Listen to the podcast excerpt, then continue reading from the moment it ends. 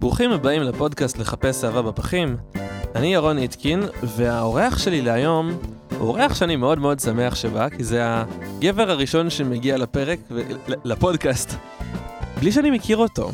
האמת שהסיבה שהוא מגיע אפילו סיבה מאוד מיוחדת, הוא פנה אליי אה, בפייסבוק באיזושהי נחישות על נושא ש- שבער בו והוא שמח לדבר עליו. ואחד הדבר הכי מעניין בסיפור הזה, זה שעכשיו הוא פה מולי, אני פעם ראשונה פוגש אותו, והוא בן אדם כל כך נינוח ורגוע בניגוד לנחישות והאסרטיביות הזו שהייתה שם בפייסבוק. אז אה, שלום עודד.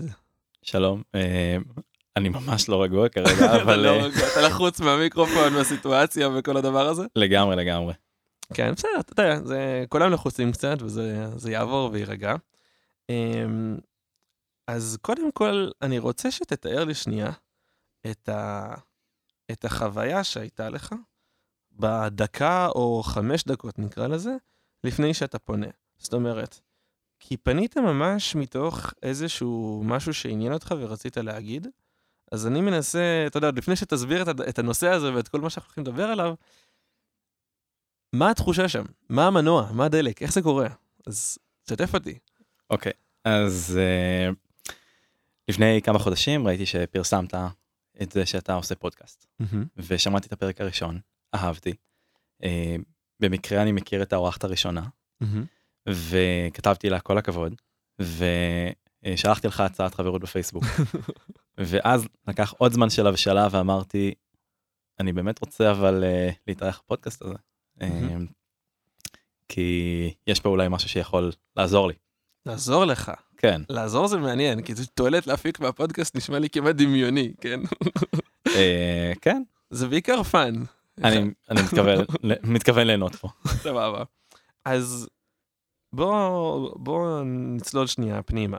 כי קצת לפני שהתחלנו להקליט, דיברנו על איזשהו, איזושהי סיטואציה, איזשהו מאפיין שלך, ואמרת, אני במצבי צריך לצלצל בכל הפעמונים ולעשות רעש וזה. אז בוא קצת ספר על עצמך, תסביר שנייה את, את מצבנו ואיך הגענו עד הלום, מה שנקרא. סבבה. אני אעשה את זה בסגנון אלכוהוליסטים אנונימיים לא, וכאלה. תעשה את זה בסגנון שאתה רוצה. סבבה. אה, אני עודד ואני לא רוצה ילדים. אה, ואין לי ילדים ואני מקווה למצוא מישהי שכמותי לא תרצה ילדים אבל כן תרצה להיות במערכת יחסים איתי. עכשיו זה לא דבר פשוט בישראל שכן לא, מאוד לא פשוט בישראל. אה, כשמרבית הזוגות רוצים ומספרים וזה לא מתקרב לאפס העגול שאני מעוניין בו. עכשיו, לפני שאני אכנס שנייה ל- לאספקט של החיפוש זוגיות בהינתן הסיטואציה הזאת, סתם ברמה האישית, כאילו, אשמח להבין, בתור, אני בתור בן אדם יחסית נורמטיבי, זאת אומרת, לא, נור, לא נורמטיבי בהמון דברים אחרים, אבל בזה כנראה כן. אוקיי. אמ, מה, סתם, מה השיקולים, מה, איך, איך בכלל אתה מבין את זה ומגיע להחלטה כזאת, כאילו? אז זה מסע של אה, חיפוש לאורך שנים. אמ, אני חושב שזה התחיל כזה בסוף אה, אה, גיל העשרה. אחרי זה צבא, שאלתי עצמי הר- הרבה מאוד שאלות על החיים, על הסביבה שממנה אני מגיע, ובאיזשהו שלב הבנתי שגם אנחנו חיים בעולם שנהיה יותר ויותר צפוף, גם אולי אני לא רוצה לגדל ילדים באופן אישי, גם אם אני נהנה להיות מדריך בתנועות נוער בעבר וכאלה, כן? אמ, אבל פשוט זה לא מה שאני רוצה לחיי, ו... וזה בסדר, יש לי אנשים, יש לי אנשים שאני מכיר שיש להם ילדים ואני לא שונא אותם. לא, לא כולנו אה, מפצות אותם. פייר. Um, אוקיי, אז, אז עכשיו אנחנו בכל זאת ניכנס קצת פנימה. אוקיי. כי מה שאתה מביא פה בעיניי הוא כאילו שונה, אבל הוא לא באמת שונה. ואני רוצה להסביר. אתה בא ואומר, יש לי משהו בחיים שהוא חשוב לי, וזה חלק מהשקפת העולם שלי ואיך שמתאים לי לחיות את החיים, והוא לא מסתדר עם הנורמה, אבל בעיניי פה הפואנטה, זאת אומרת, הפואנטה היא במשהו שהוא שונה מהנורמה, ולא בספציפית מהו. זאת אומרת, כל בן אדם שיש לו איזשהו משהו שהוא חשוב לו ברמה האישית, כן? והוא לא מסתדר עם מה שרוב האנשים אה, רוצים בחיים שלהם, אז הוא מוסיף על עצמו איזשהו, איזושהי שכבה של קושי אה, בחיים באופן כללי, אבל, אבל ספציפית גם בהקשר הזה של אה, למצוא בן בת זוג, כן? אז אני אשמח שתכניס אותי לכזה, איך אתה מתייחס לזה? זאת אומרת, באיזה שלב אתה מציג כזה דבר, ו- וגם איך זה עולה, כי אתה יודע, אם זה עולה בשיחה עכשיו, שאתה תפגוש מישהי באיזה מפגש עם חברים, אתה לא בדיוק שופך עליה את כל משנת חייך בשנייה, שלום, אני עודד ואני לא רוצה להגיד, כי זה לא עובד ככה, כן? נכון. זה, זה בעבר עבד ככה, כן? או, אז אתה תספר את זה עוד רגע. אבל... uh, אבל יש המון המון סוגים של היכרויות היום. יש את אלה הכביכול הכי טבעיים, יש את אלה של, לא יודע, חברים הכירו לנו, יש את האפליקציות, יש המון המון דברים. אז, אז כזה, איפה זה יושב בראש שלך? כמה אתה חושב על זה? איך אתה מתייחס לזה? באיזה שלב אתה מציג? זה מעניין אותי לשמוע. אוקיי. Okay. Um, אז אני חושב שעברתי את כל התהליכים האלה. הייתי באפליקציות, עזבתי אותם, חזרתי לאפליקציות.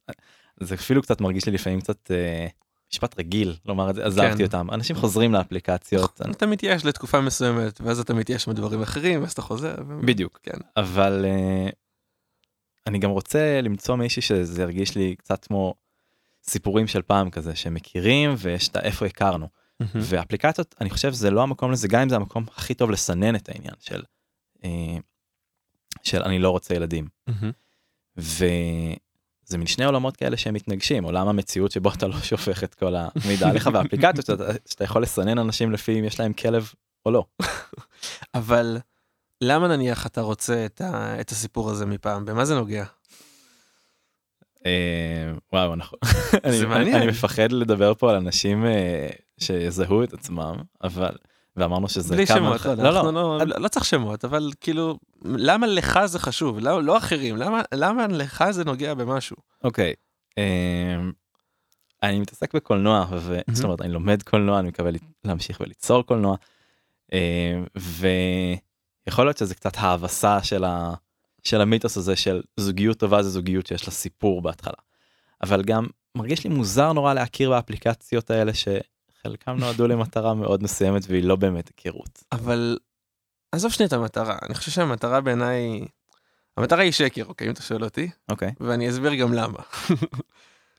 היא שקר כי זה לא משנה למה אתה יוצר כלי מסוים, אם אנשים יכולים להשתמש בו בצורה מאוד אחרת, אוקיי? זאת אומרת, אתה יכול ליצור כלי למשהו מסוים, ואז אנשים יגלו שהוא טוב, או אפילו לא טוב, אבל הם משתמשים בו בכל זאת למשהו אחר, ונניח והם הרוב, אז, אז האם זה עדיין משנה? זאת אומרת, האם זה משנה מה התכוון ההוא המקורי אם בתכלס לא, אתה, אתה מבין את הנקודה שלי? כן, אבל מרגיש לי שעדיין, אם מישהו יגיד לי שהוא הכיר את בת הזוג שלו בטינדר, עדיין, זאת לא המטרה הראשונית שבשבילך, שבשבילה נכנסת לאפליקציה. למה? אני לא בטוח. אתה יודע, יש כל כך הרבה אנשים בתוך טינדר שכותבים כזה, אני פה, אני יודע שזה סטוצים, אני לא מחפש סטוצים, מחפש קשר רציני. הרי ראינו את האנשים האלה. אתה גם, הרי בעצמך, אם נכנסת לאפליקציה, אז גם אתה היית כזה. או אולי לא, אבל כאילו, אבל אתה מבין אותי. אז בגלל שאני יודע ששם זה לא המקום בשבילי לחפש mm-hmm. בזוגיות, אני נכנסתי לאפליקציות שכאלה במטרות אחרות. Mm-hmm. ויש הרבה דרכים שאפשר להכיר אנשים, אז אני לא לא חושב שרק אפליקציות זה הדבר ה... אה, חד משמעית. בוא נגיד, אתה בתור בן אדם שבא לפה אחרי שהוא שמע אי אלו פרקים של הפודקאסט, נכון. יודע שדעתי על האפליקציות זה שהן גרועות, כן? אבל שהן איזשהו משהו גרוע שקצת אין לנו ברירה איתו היום, כן? כן. אז אתה לא צריך לשכנע בפואנטה של עדיף להכיר בחוץ, אני מסכים איתך, עדיף להכיר בחוץ. בכל זאת, נחזור לשאלה המקורית של איך אתה מתמודד עם הסוגיה הזאת של uh, אתה אומר אני לא רוצה ילדים mm-hmm. ואיך אתה מתייחס לזה באספקטים השונים איך אתה מתייחס לזה כשאתה פוגש אנשים in real life איך אתה מתייחס לזה כשאתה באפליקציות. Okay. אז אני שמח ש, ש, שלשם הכוונת את זה בסוף כי הרגשתי שאני עונה קצת מהבטן ועכשיו הבנתי עכשיו הבנתי מה אני באמת רוצה לענות. אוקיי. Okay. Okay. אז אם נצלול למה שהקהילה הגאה עשתה נגיד לפני 60 או 40 שנה כדי להצליח למצוא את הזוגיות שלהם בסביבה שבה כמעט כולם סטרייטים אז הם היו צריכים איכשהו להחצין את זה, mm-hmm. או למצוא את המקומות משלהם. Okay. אוקיי. ויש אירועים פעם בכמה חודשים של קהילת העל-הורות בישראל, יש כל מיני וואלה. קבוצות פייסבוק. אני אגיד לך, אני צעיר מרוב האנשים שם באזור ה-15 שנה. וואו. כן, וגם הם לא מצליחים למלא את המקומות האלה, אפילו שזה לפעמים המקומות הקטנים של מרכז תל אביב. אשכרה. כן. וכי מה? אני מניח ש... שהקבוצה כקבוצה בפייסבוק היא לא קטנה, ויש פשוט פער בזה שאנשים לא מוכנים לבוא ממש למפגש פיזי, קהילתי כאילו? גם, וגם עניין ש... אה, כגודל של קהילה היא באמת לא, לא גדולה, קהילה של אלף אנשים בישראל זה די קטן. זה מאוד קטן, מאוד מאוד אה, קטן. חלק פזורים, אה, אני מניח, ביישובים בצפון. ולא ירצו להגיע, חלק... אה, כמה, רחוק תהיה מוכן ללכת בשביל אהבה, זאת השאלה. או, אתה יודע, אתה מחבר אותי עכשיו ל... בוא, נדבר על זה, מה שנקרא, בוא נדבר על זה. אוקיי. אני אגיד שהפעם הראשונה שנתקלתי בעיניי ב... בשיח הזה. אוקיי? זה כשנכנסתי לאפליקציות וראיתי נשים שכותבות שהן לא מוכנות לצאת עם אה, תל אביבים. עם עכשיו- תל אביבים. עם תל אביבים. אני מכיר הפוך, אבל חכה. בסדר. יש גם הפוך. אבל כל השיח הזה על כן תל אביבים, לא תל אביבים, אני ניסיתי להבין מה ולמה. עכשיו, לי ישב בראש, בדבר הראשון, את הסטריאוטיפים על האופי התל אביבי, כן? דוש. ולקח לי, לאו דווקא, כן? אבל, אה, אבל לקח לי זמן להבין שזה לרוב אפילו לא שם. אה, כמו שסיגל אמרה בפרק הראשון, כי התל אביבי לא יצא בשבילך מתל אביב, כן? ואז התחדד לי בדיוק מה שאתה אומר, כי מבחינתי זה היה כאילו obvious, אני זוכר בתור, אה, לא יודע, כשהייתי חייל, כן, וגם כשגרתי אצל ההורים, אני מבחינתי הייתי נוסע לחיפה, לראשון, לרחובות, אה, אפילו לבאר שבע. קבעתי עם מישהי בבאר שבע, עזוב שהיא הבריזה ברגע האחרון, אבל נדבר על סיפור אחר.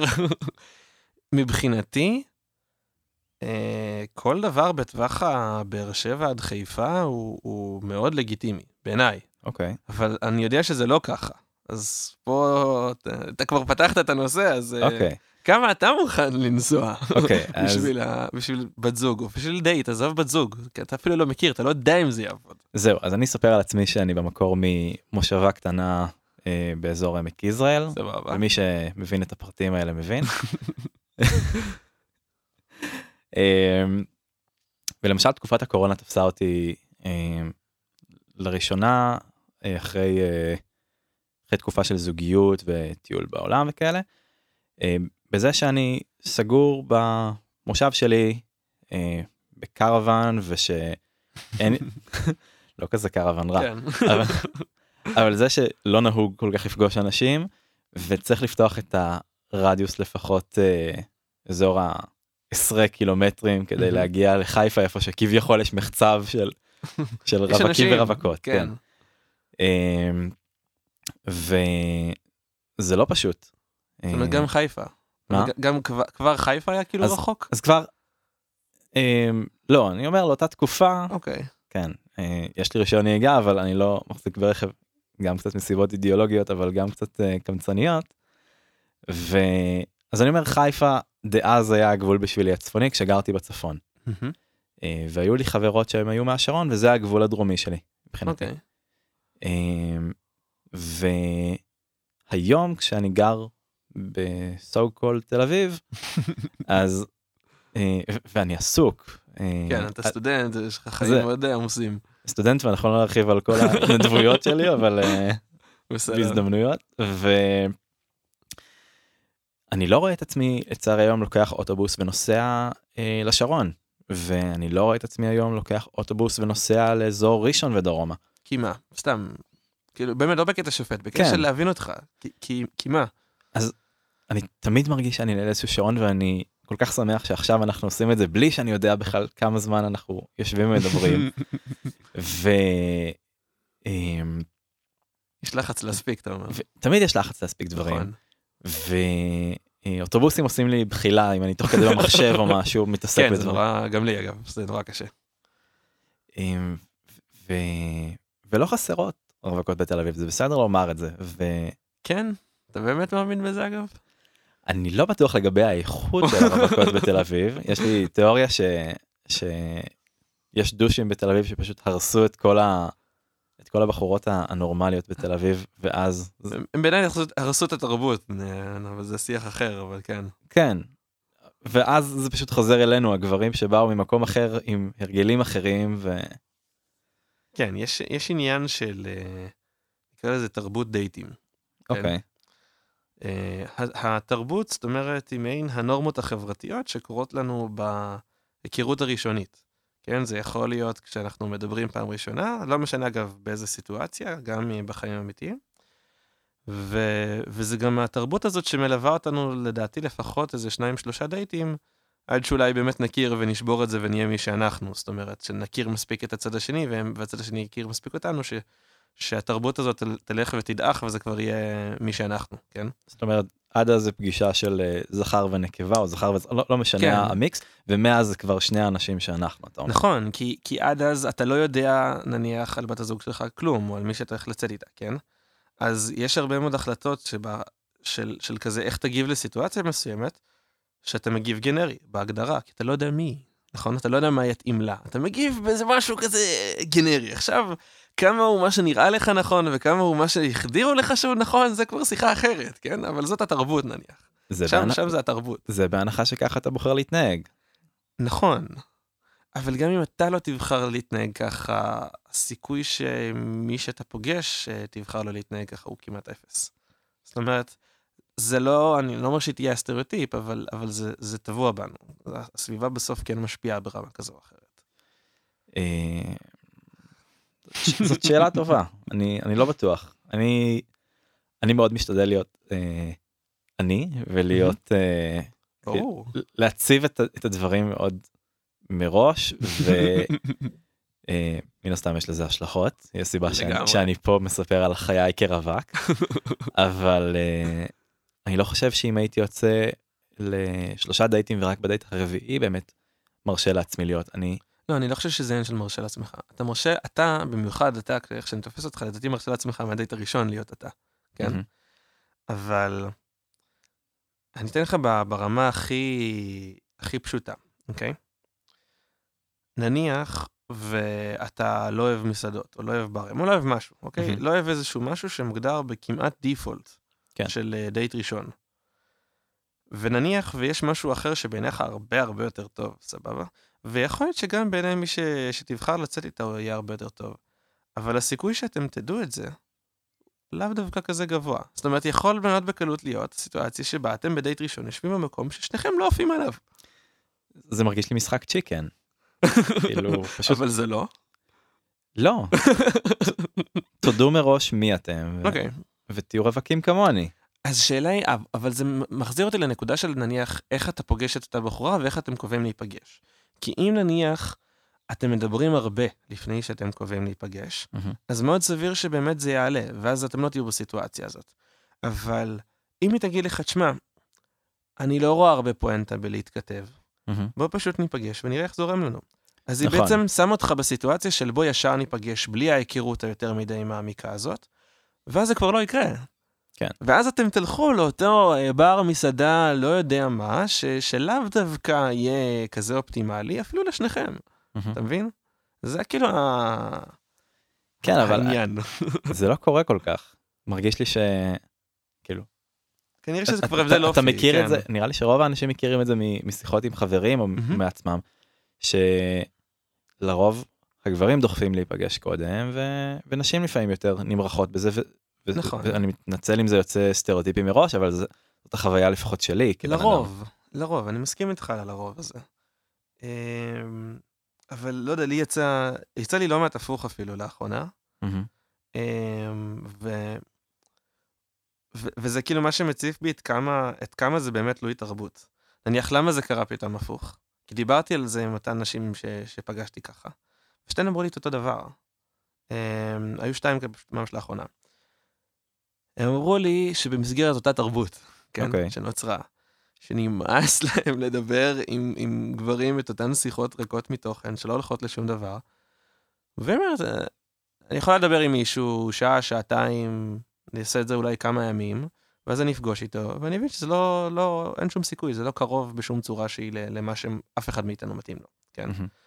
אז היא אומרת לעצמה, למה, למה לי להיכנס לסיטואציה? למה לבזבז את כל הזמן ולבנות איזשהו מין בילדאפ רגשי בכל השיחות האלה שבעצם הולך להתנפץ בשתי דקות של היכרות בחיים האמיתיים? אתה מאמין בזה? שבשתי דקות אפשר להגיע להחלטה כזאת? או אפילו ערב שלם? אני מאמין שכן. במקרים ספציפיים, אבל זה יכול לקרות בעיניי, כן. ו... ואז אותה בחורה אומרת לעצמה, למה לי להיכנס לכל הסיפור הזה? לא מוכנה, בוא נפגוש את הבחור, מקום שיהיה יחסית אה, פומבי ו- ולא מקריפ לאף אחד, יחסית קרוב לבית שגם לא נטרח יותר מדי. ואם זה יתאים זה יתאים, ואם לא, אז, אז, אז חסכתי לעצמי את כל הבזבוז זמן הזה. ויש יותר ויותר נשים שנוקטות בגישה הזאת, ואני מבין אותן. אני מבין לליבן. אז למה לדעתך speed dating זה דבר שהוא כל כך יוצא דופן, או לפחות לא קורה הרבה כמו שאנחנו היינו מצפים שזה יקרה בהתאם לרעיון חוש... הזה? אז אני אגיד לך מה, אני חושב שהסיבה ש speed לא כזה קורה, שזה כאילו יכול באמת לפתור את, ה, את הדבר הזה, זה כי זה דורש להתגבר על שני דברים. זה דורש להתגבר על המבוכה הזאת באופן פומבי. זאת אומרת, מהמם. יש הבדל בין מישהי שתגיד לך את זה בפרטי אחרי שהיא ראתה את הפרופיל שלך והיא הבינה שאתה פחות או יותר בכיוון, אוקיי. לבין להגיד את זה out there וללכת לאירוע פומבי של speed date. זה לא אותו דבר. אז בעצם אנחנו חיים במציאות שבה אה, אנחנו פשוט עושים speed dating אבל כל אחד עושה את זה בקצב שלו עם, ה, עם הדייטים שהוא קובע. זאת הבחנה מאוד מעניינת מה שאתה מעלה עכשיו, אבל אני חושב שבמובן מסוים כן. אני חושב שגם במובן מסוים יש לזה מין משחק chicken קולקטיבי, שהתרבות והנורמות החברתיות לא מאפשרים לנו לגמרי להגיד את מה שאנחנו רוצים, או Mhm. להגיד לגמרי מה אנחנו רוצים לחפש. אמ, ו- ואז אנחנו נכנסים לקונפליקט של מתי להגיד כל דבר ומתי, כאילו יש, יש מתי, יש שאלת מתי על הכל. כן, אז זה גם מחזיר אותי חזרה לנושא נכון, הזה של, נכון? של ההלורות. כאילו, יש המון דברים ש, שבן אדם יכול לגלות על בן אדם שמולו. אה, הלורות זה איזשהו קצה קרחון אצלי. אה, הרבה אנשים שמכירים אותי אומרים שהם תמיד מגלים עוד דברים חדשים עליי ככל שעובר הזמן. אה, ו... ואם אנחנו לא נפתור את משחקי הצ'יקן האלה אז אנחנו תמיד נשאר ב... בלצאת עם, עם, עם בני זוג אה, גנרים שאנחנו לא מכירים. אז אנחנו מגיעים למשברים האלה של גיל 40 של מי זה האדם הזה שישן לידי. נכון, לגמרי. אבל uh, אתה יודע מה, אני שנייה אשאל את זה יותר טכנית, אוקיי? כדי שאנחנו נסמן את ה-V הזה ונמשיך הלאה. אוקיי, אני אחרי זה גם אעיר עוד הערה לפני שאנחנו בורחים מהנושא הזה. סבבה. באפליקציות אתה כותב או לא כותב שאתה אלורי? באפליקציות היום אני לא מחפש זוגיות אז אני לא כותב את זה. סבבה, אבל כשכן חיפשת כתבת? אה, אה. כש- ש- שוב כשכן כשחיפשת זוגיות, האם חיפשתי- כתבת זה? אה, כן. אוקיי. וכשאתה מכיר מישהי בחיים אמיתיים, דרך, לא יודע, אתה יודע, חברים שותפים, איזה יציאה, וואטאבר, מתי אתה מעלה את זה? מעניין אה, אותי. כי אתה, אתה יודע, אתה ענית לי על, על העיקרון ועל האידיאולוגיה והם חשובים, לא תמיד לא נכון, הם חשובים, אבל, אבל בסוף גם לפעמים הפרטים הטכניים חשובים, אז אני בכוונה קצת מציק לך על זה, כי זה אוקיי. מעניין אותי.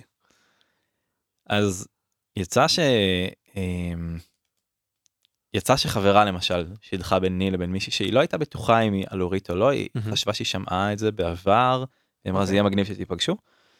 ויצא שיצאנו לש- לשני דייטים וזה לא עלה אבל אמ, ו- וגם לא המשכנו את, את הדייטים אבל תהיתי לעצמי האם היא באמת על כאילו מתי אנחנו אמורים להעלות את זה.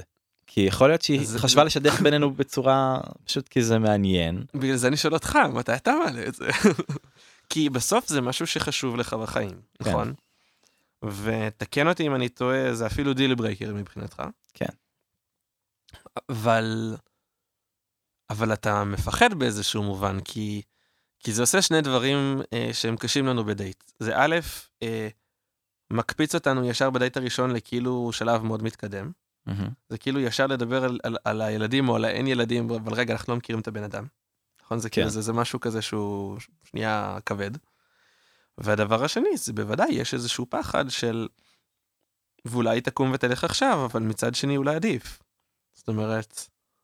כן. אז, אז בגלל זה אני, אני בכל זאת יושב איתך על הדבר הזה, כי זה, כי זה, זה ניואנס שבעיניי זה לא, ספצ... לא חשוב לי ספציפית על ההורות, אבל זה ספציפית אצלך. ומה שאותי מעניין, ואני גם מניח שיעניין את האנשים שמקשיבים לנו, זה על הדבר האחד הזה שהוא קשה והוא כבד, אבל הוא deal breaker, ואתה חייב להתמודד איתו, זה מעניין ברמה האנושית החברתית, אתה כבן אדם, מתי אתה מעלה אותו? מתי אתה אומר, לא אכפת לי, בוא נדבר על זה.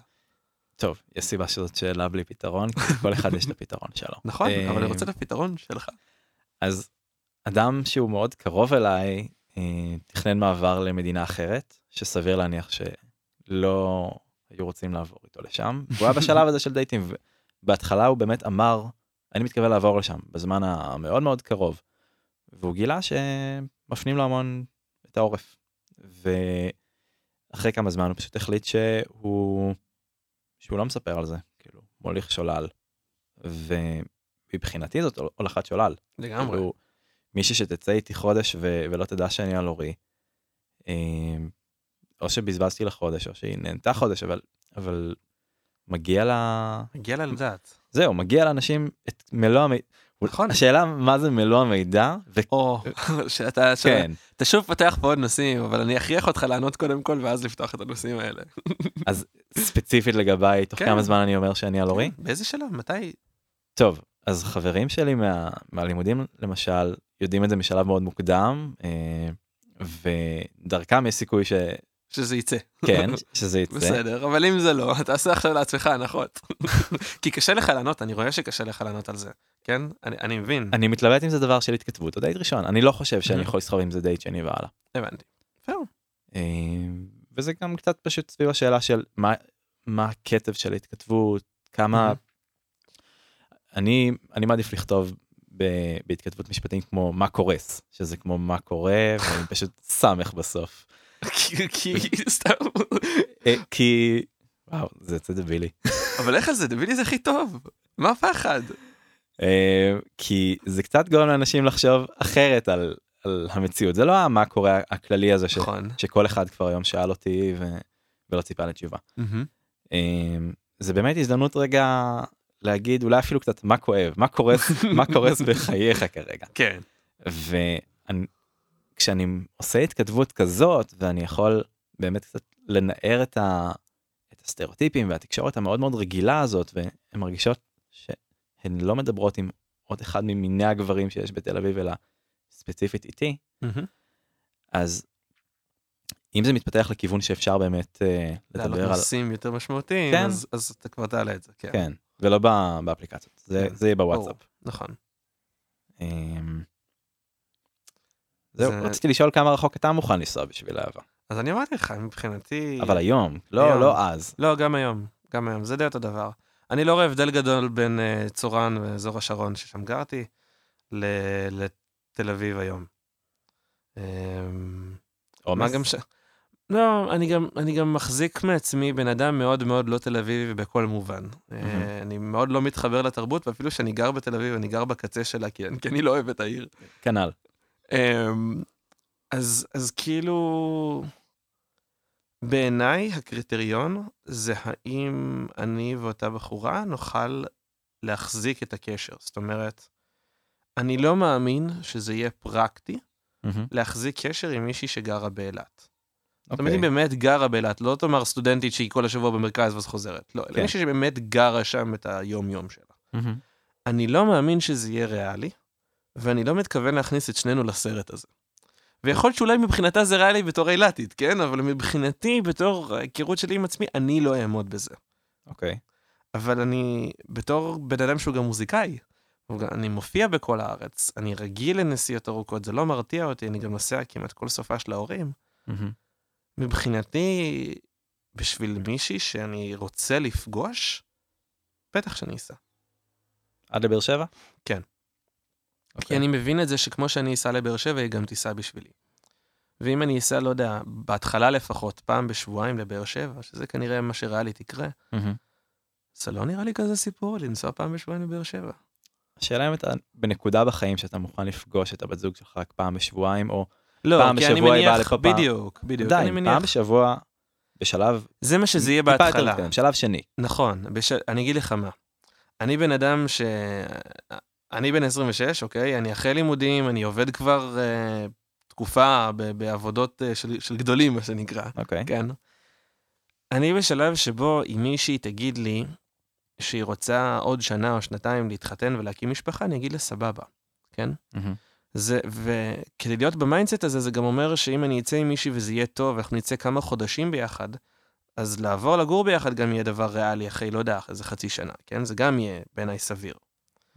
אז כן, יהיה את החודש, חודשיים הראשונים שאנחנו לא נוכל להיפגש בצורה כל כך תדירה, אבל אם אנחנו נחצה את החודש, חודשיים האלה, ויהיה לנו באמת טוב ובאמת נרצה ל- להיות ביחד, אז אנחנו נתמודד עם זה. כאילו, בעיניי לפחות. אנחנו נמצא את הדרך, אתה יודע, לנסוע יותר, אה, לבוא ולהישאר לישון, ואז זה כבר פחות כבד התחבורה, כי אם אתה נשאר לישון אז אתה לא נכון. עושה, אתה לא חוזר באותו היום, אז זה כבר משמעותית יותר קל. נכון, אבל עדיין יש לך להגיע לעבודה, ומצד שני, עדיין התרחקת אולי מדברים שאתה צריך לעשות, כי יש דברים שהם פשוט תלויים במקום שבו אתה נמצא. כאילו כן ולא, אולי, אני, אולי זה הנחות הפריבילגיות שלי. בוא, אני, אני, אני הייטקיסט שיש לו את היום בשבוע לעבוד מהבית, ו, ותכלס אם אני צריך גם עוד קצת, אני מאמין שאני אסתדר עם זה. אז מבחינתי זה כאילו... זה לא כזה חשוב. כאילו זה כל כך יותר חשוב לי למצוא מישהי שיהיה לי את הטוב, שבאמת יהיה לנו טוב ביחד כזוג, ש... שלא אכפת לי מה technicalities האלה. אוקיי, אז ואני רואה, באמת רואה בזה technicalities. אז כרגע זה נמצא ב- ב top של ה... חד? משמעית, מבחינתי כן. מבחינתי לגמרי. כאילו, וזה לא כי דברים אחרים לא חשובים, אלא כי הדברים האחרים הם מספיק נושאים, נקרא לזה, והם מספיק חיים באיזשהו אוטומט שהם כבר יכולים להתקיים בו, מהמם. שאם אתה שואל אותי במה אני משקיע זמן, במה אני רוצה לשים את הזמן כדי ליצור משהו, וככה אני רואה את זה ברמת הליצור ולעומת הלתחזק, אז, אה, אז חד משמעית. חד משמעית, מבחינתי לפחות זה ב top של ה priorities. אני אגיד זה יותר בוטה, אוקיי? אם זה לא היה ב top של ה priorities, כנראה שזה לא היה מספיק חשוב לי בשביל לעשות פודקאסט. כנראה. נשמע נשמע נכון. תשובה פיירית. טוב. כן, אז אה, בוא נשאל אותך, אתה אומר, את- כי אתה אומר נניח אה, שאתה לא היית נוסע נניח לאזור השרון או משהו כזה, אבל זה לא משנה שנייה ספציפית האזור. ואני חושב שזה מתחבר לנקודה שאמרת, כן, אתה זה יותר עניין של רדיוס, זה לא עניין של ה... כן, אבל אתה סטודנט, אתה עמוס, וזה מאוד לגיטימי גם להגיד, וואלה, זה לא ב top אה, של הסדרי העדיפויות שלי כרגע. כן. ו- וזה פייר. עכשיו, השאלה היא גם, אתה יודע, עלתה של בעוד אה, שלוש-ארבע שנים, נניח תסיים את הלימודים, מהמם. תהיה לך איזושהי עבודה ואיזושהי שגרה, אז יכול להיות שגם אתה תהיה במקום אחר. אז כשלומדים קולנוע לא תמיד יש שגרה, אה, ולא תמיד יודעים מה- איפה זה המקום הזה שהולכים להיות נכון, בו. נכון. אה, יש הרבה קולות כאלה של אה, לעזוב את הארץ, אה, לא ממני, אבל... ואז גם נשאלת השאלה של, אז היום אתה לא מוכן לנסוע את המרחק האלה, נכון. המרחק הזה, מה יהיה אם משהו יצליח ותהיה במדינה אחרת? מה, גם אז לא תהיה מוכן לבוא לארץ? לא, לא יודע, אז אתה מעלה פה שאלה קשה, אבל אה, אני ספציפית לא מוכן לעזוב את הארץ, אז, אז אני לא צריך להתמודד עם, ה, עם הדילמה. כן. אמ, כאילו מבחינתי זה, זה, מבחינתי זה באמת deal breaker, אם מישהי אומרת לי שרוצה לעזוב את הארץ, אז אני אגיד לה שיהיה לך בהצלחה, אבל כאילו כנראה שפשוט לא מתאים. כן, זה נשמע הגיוני, אבל אה, אז, אז כאילו, תמיד הנקודה שאני אני חושב שכל ההגבלות האלה הם, הם באמת תלויים באיזשהו שלב בחיים ואיזשהו סדרי עדיפויות שגם הוא במובן מסוים תלוי בשלב שלנו בחיים. אמ, ו- ולכן זה, זה כל כך כאילו משתנה.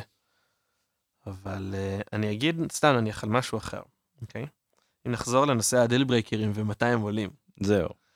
אז um, אני לא מזמן התחלתי לצאת עם מישהי,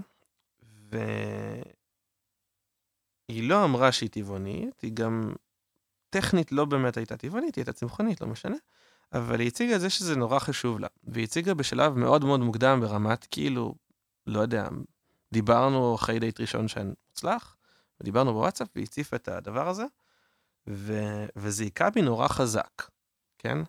כי א', אני הייתי כזה, וואו, כל הכבוד לה. באמת, Mhm. ברמת ה... כל הכבוד לה על הכנות ועל הפתיחות ועל זה שהיא שמה את הדברים על השולחן, וכל השיחה איתה הייתה מאוד בוגרת ולגמרי, כאילו, כל הכבוד לה, כן? ויש חיבור טוב. אבל אני אומר, רגע, אם מישהי מסבירה לי, אחרי דייט אחד, שחשוב לה לגדל את הילדים של הטבעוניים, עכשיו, אני יודע שזה משהו שאני לא יכול לעמוד בו. אנחנו לא ניכנס לשיקולים הרפואיים והתזונתיים בחיי האישיים, אבל אני לא מסוגל לעמוד בזה לא פרקטית ולא בריאותית. כן, כי גם נשמע שמשתמע מזה שהייתה רוצה בן זוג טבעוני. נכון, אבל, אבל, ואז יפה, ואז הציף את השיח של אם זה חשוב לה ברמה המוסרית, האם זה אה, נסלח לך כי אתה מוצא חן בעיניי, או, או שנייה, איך זה, איך זה יושב? כי הרי אם זה עניין מוסרי, אז יש פה איזשהו פער ממש אידיאולוגי בינינו, שגם אני לא הייתי רוצה שבת הזוג שלי תגיד לי, אה, תשמע, בעיניי אתה, אתה חוטא מוסרית, אבל אתה חמוד, אז אני אסלח לך. כאילו, לי יש קושי עם זה, אתה מבין? וזה ישר מציף דברים כאלה ש, שבאמת קשה להתמודד איתם. ואגב, בסופו של דבר גם לא המשכנו בגלל איזושהי סדרה כזאת של כמה פערים שאני אמרתי, בעיניי זה יותר מדי. כאילו זה לא... זה יתפוצץ גם ככה, אני מעדיף עכשיו, כי אני מאוד מתחבר איתה ברמה האנושית, ואני לא רוצה לבנות איזה שהם אה, ציפיות שווא וחיבור רגשי עמוק שיתרסק לשנינו בפרצוף. כן. וזה היה נורא קשה. אתמול במקרה, אם אפשר, אה, זה. תהיה תגובה, אבל אה, תמיד, תמיד אוקיי. אפשר. לך על זה.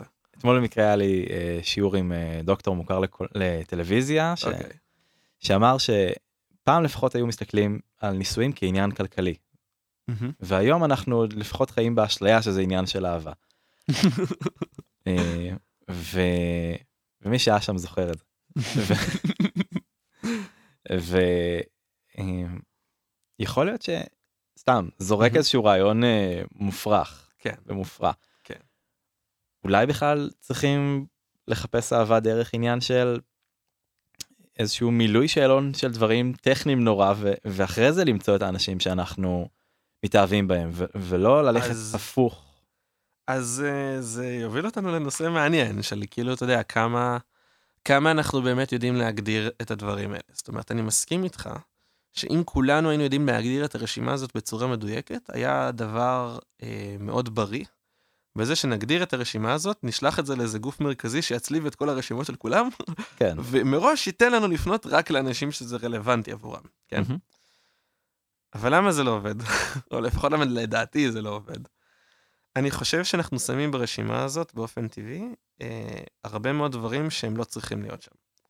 הרבה דברים שהם אולי nice to have, מהמם. אבל דברים שאנחנו גם נזרוק אותם מהחלון בשנייה שנמצא לה מישהי שבאמת מוצאת חן בעינינו ויהיה לנו חיבור טוב איתה.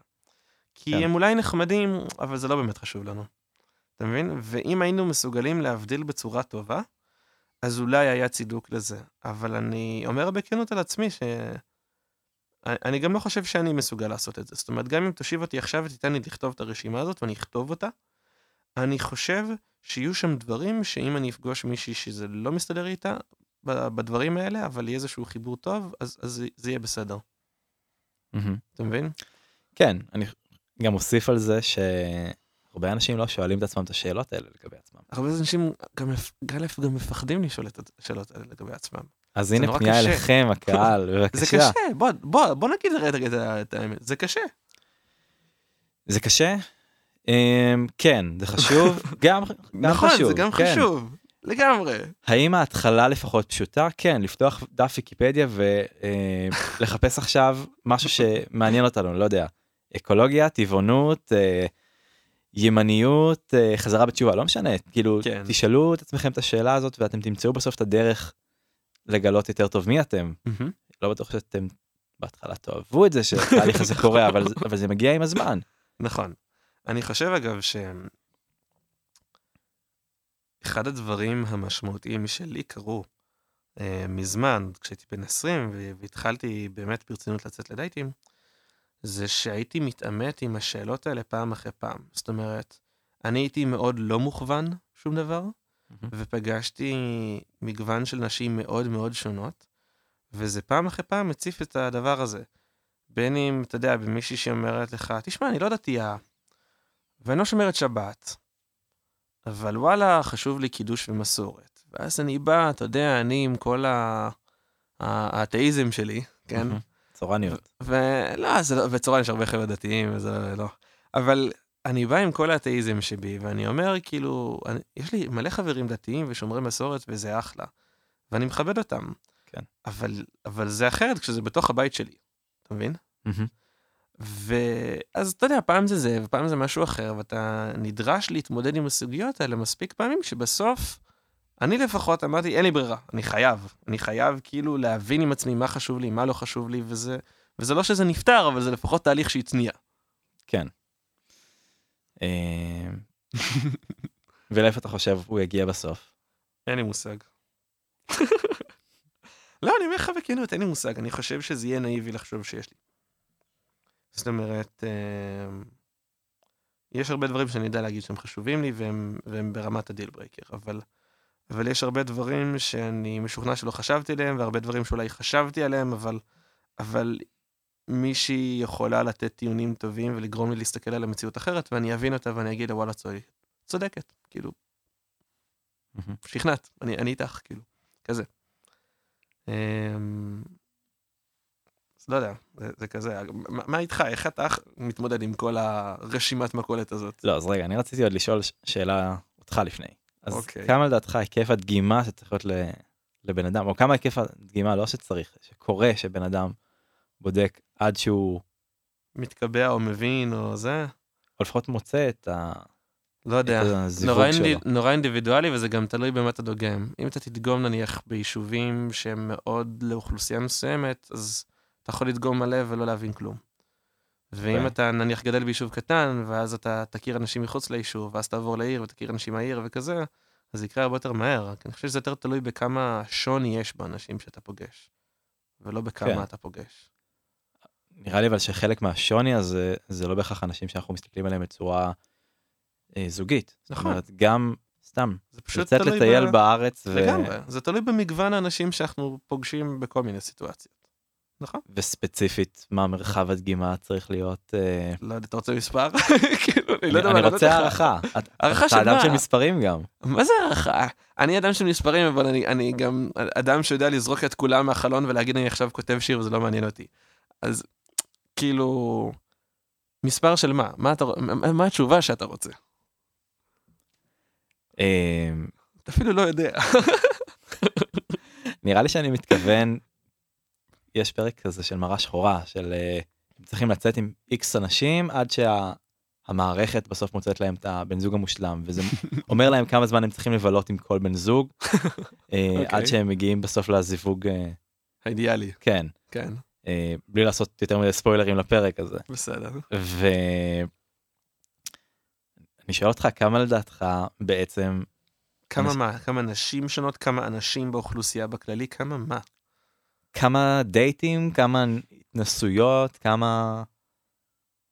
אני אגיד שאני לא חושב שבכל חיי עברתי את ה-20, אוקיי? Mm-hmm. ואני חושב שאני כבר יודע טוב מאוד תקופה. Okay. אוקיי. אז אולי לי זה לקח בערך את ה-10-15 להבין, או לפחות לחשוב שאני מבין. כן. אבל לא יודע, זה נורא אינדיבידואלי, זה גם בא עם, אתה יודע, יכול להיות שיהיו שלושה דייטים באותו חודש, ואני אה, לא אבין מהם כלום, ויכול להיות שיהיה דייט אחד ואחריו חצי שנה של כלום, אבל, אבל אותו דייט יגרום לי להר אינסופי של מחשבות ותהליכים. אני, אני באמת לא חושב שאפשר לשים על זה מספר. כי זה אינדיבידואלי. לא רק כי זה אינדיבידואלי, אלא גם אפילו, אפילו אני, אפילו אם אתה אומר כמה זמן ייקח לי הספציפי לבוא ו- ו- ולשים את המספר, אז אני אגיד לך שאני לא יודע. כי, כי כמו שאמרתי, היו דייטים שלא, שפרטתי להבין שזה לא מתאים לי, לא קרה שם שום דבר מעבר. Mm-hmm. אבל uh, היו דייטים שחשבתי שזה מתאים לי, ואז הבנתי שלא, ואלה דייטים שגרמו לי לחשוב המון. ו- ושם בעיניי באמת קרה התהליך. אז, uh, אז זו, זו בסוף הנקודה. אמ, אנחנו מתקרבים לסיום. וואלה? כן.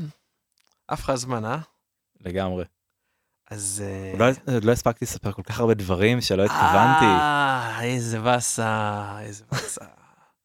שמע, אני קורא לזה העשה ואל תעשה שלך. ואני אחדד. בעיניי זה הדבר האחד הזה, שאתה אומר, וואו, איזה יופי, למה אנחנו לא עושים יותר מהדבר הזה? וזה יכול להיות, אתה יודע, בהיכרויות, בדייטים, זה יכול להיות בתוך זוגיות, זה יכול להיות בכל העולם תוכן הזה. והדבר השני, שהוא הפוך, שאתה אומר, וואי, למה זה כל כך פופולרי, זה מעצבן, זה גרוע, בואו נפסיק עם זה. והתוספת בונוס שאני אומר לך זה שאם אתה בוחר שאחד מהם יהיה מגדרי, אז אני אשמח שהשני יהיה במגדר ההפוך. ועכשיו לך על זה.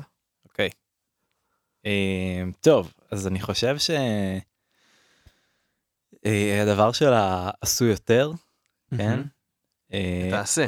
כן. אה, אמצו לכם רווק.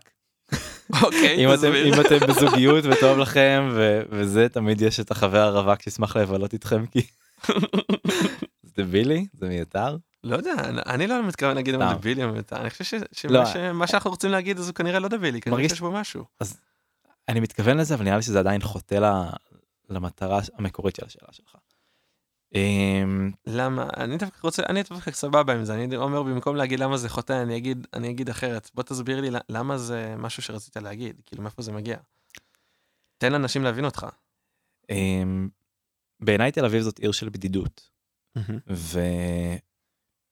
ובמיוחד אמ, במיוחד אנשים שלא באו לפה אך ורק למטרה מאוד מוגדרת של להכיר או להתעשר ולעזוב לגור בשרון, אז אה, אם לכם יש את הזוגיות המדהימה שלכם ואתם אולי חוששים שהיא מאבדת את התבלינים שלה, אז אה, צאו לבלות עם חבר רווק שלגמרי יש לו דברים מעניינים לומר אה, ויכול קצת אה, לטבל לכם אותה בלי בלי דברים אה, בלי קריצות אין פה שום אה, כן, נטו שום- במובן החברי והפלטוני. כן. אה, אבל אה, שוב, אני לא בטוח שזאת העצה שבאמת רציתי לתת. נראה לי שזה פשוט דבר ש- שנזרק לי לראש תוך כדי אבל שדיברת. אתה יודע, אתה אומר עצה ואני ואני אחדד ואני אגיד שזה לא מעניין אותי לתת עצות. אוקיי, הפודקאסט הזה הוא לא על עצות. נכון, נכון, נכון. אז אני משתמש במילה עצה, אבל זאת לא לא העצה. זה משהו שאתה אומר וואלה הייתי שמח אם החברים החברים חברות שיש לי שהם בזוגיות היו יותר יוצאים גם עם החברים הרווקים שלהם ולא רק אחד עם השני. נכון, אבל לא, לא, לא, זה לא מה שבאמת הייתי, אוקיי. זה לא מה שהייתי רוצה שיהיה יותר. take אה, two. סטודנט לקולנוע נעשה איזה קליק כזה ו... כן. יאללה take two. אבל אפשר להשאיר את זה, אפשר להשאיר את זה, ברור שזה יישאר. סבבה. אפילו כולל השיחה הזאת יישאר בוודאי. מעולה. אה, מה עוד הייתי רוצה שיישאר? אה, מה עוד הייתי רוצה ש... מעולה מעולה מעולה. מה עוד הייתי רוצה ש... ש... אה, שיהיה יותר?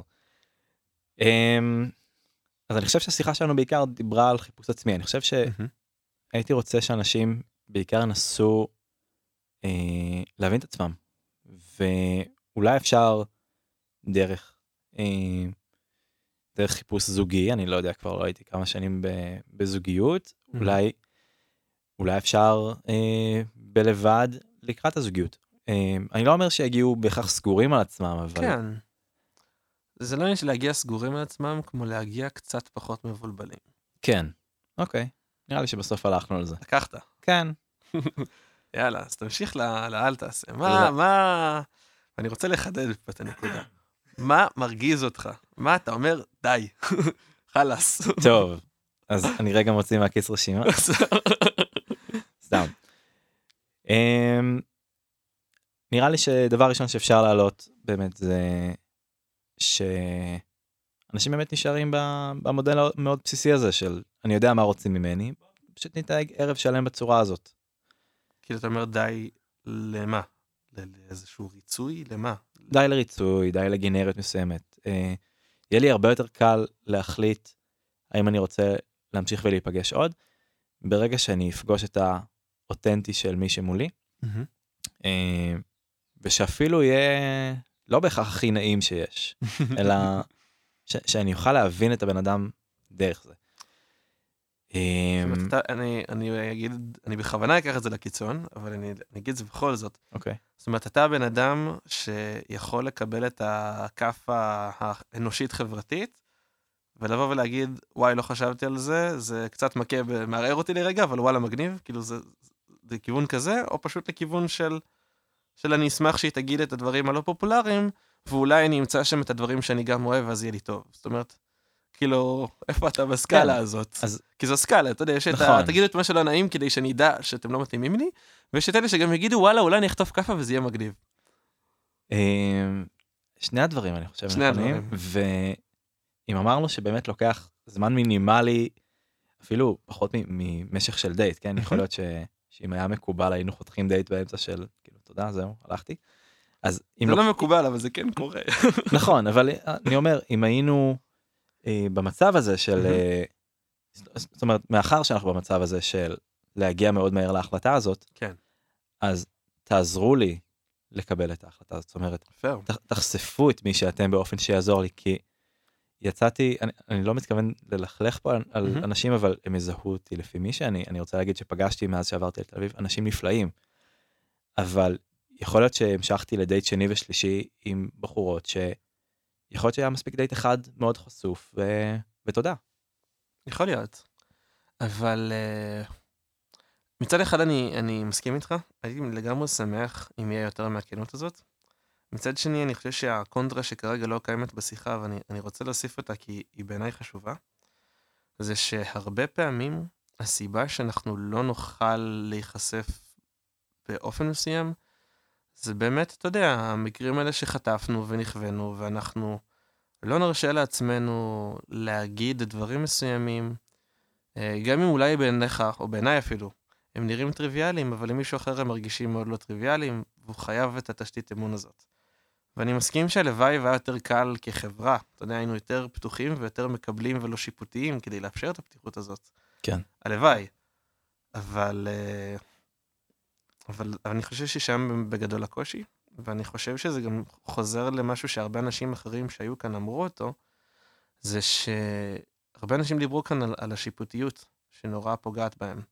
מהמם. שהם מרגישים שאנחנו נורא נורא מהר שופטים, לא ברמת הלא מתאים לי, אלא ברמת הזה לא בסדר, כן? כאילו כן. ממש פוסלים איזה משהו ברמה האידיאולוגית-מוסרית. אה, ו- וזה בסופו של דבר מה שמונע פתיחות. אז אני חושב ש- אה. שעד כמה שאתה בא לזה במקום של ה- להגיד, הלוואי ותהיה פתיחות גדולה יותר, ואני איתך במאה אחוז, אני לגמרי מייחל לזה, אני חושב ש- שכאילו כחברה, מה שאנחנו עושים לא נכון, שאולי יוצר את זה, זה השיפוטיות. אה, אז, אז אולי להוסיף בעניין של. הלעשות, מהמם. זה להיות יותר עם לב רחב, וזה באמת לא נכון. קשור לזוגיות, כאילו, אפשר, אתם כנראה עכשיו שומעים אותי, אותנו, אותנו. גם אותך, כן, זה בסדר. אה, אם אתם לא שומעים אותנו כרגע בשטיפת כלים או איזה משהו כזה, אלא אתם שומעים אותנו באוטובוס, אז אני מאוד מקווה שאתם כרגע לא בוואטסאפ, אתם יכולים רגע לעזוב את, ה, את המסך, ותנסו רגע להסתכל על אנשים שסביבכם ולזכור שאנחנו חיים יחד במרחב אחד, ואפשר לאהוב את האנשים האלה. זאת אומרת, לא, אל תיגעו בהם וכאלה, אבל אה, אבל אפשר לנסות להבין אותם יותר. כן, אנחנו כרגע חולקים דרך, בין אם זה סתם אוטובוס או רכבת, ובין אם זה החיים עצמם. אה, לגמרי. love more. איזה כיף. אז תודה רבה שבאת. תודה שהזמנת אותי. תודה שהזמנתי אותי. וואו, זו תשובה מעולה, תודה שהזמנתי אותי. מעולה, לקחתי. וואלה, לקחתי. אני שמח שהזמנת את עצמך ושאתה פה.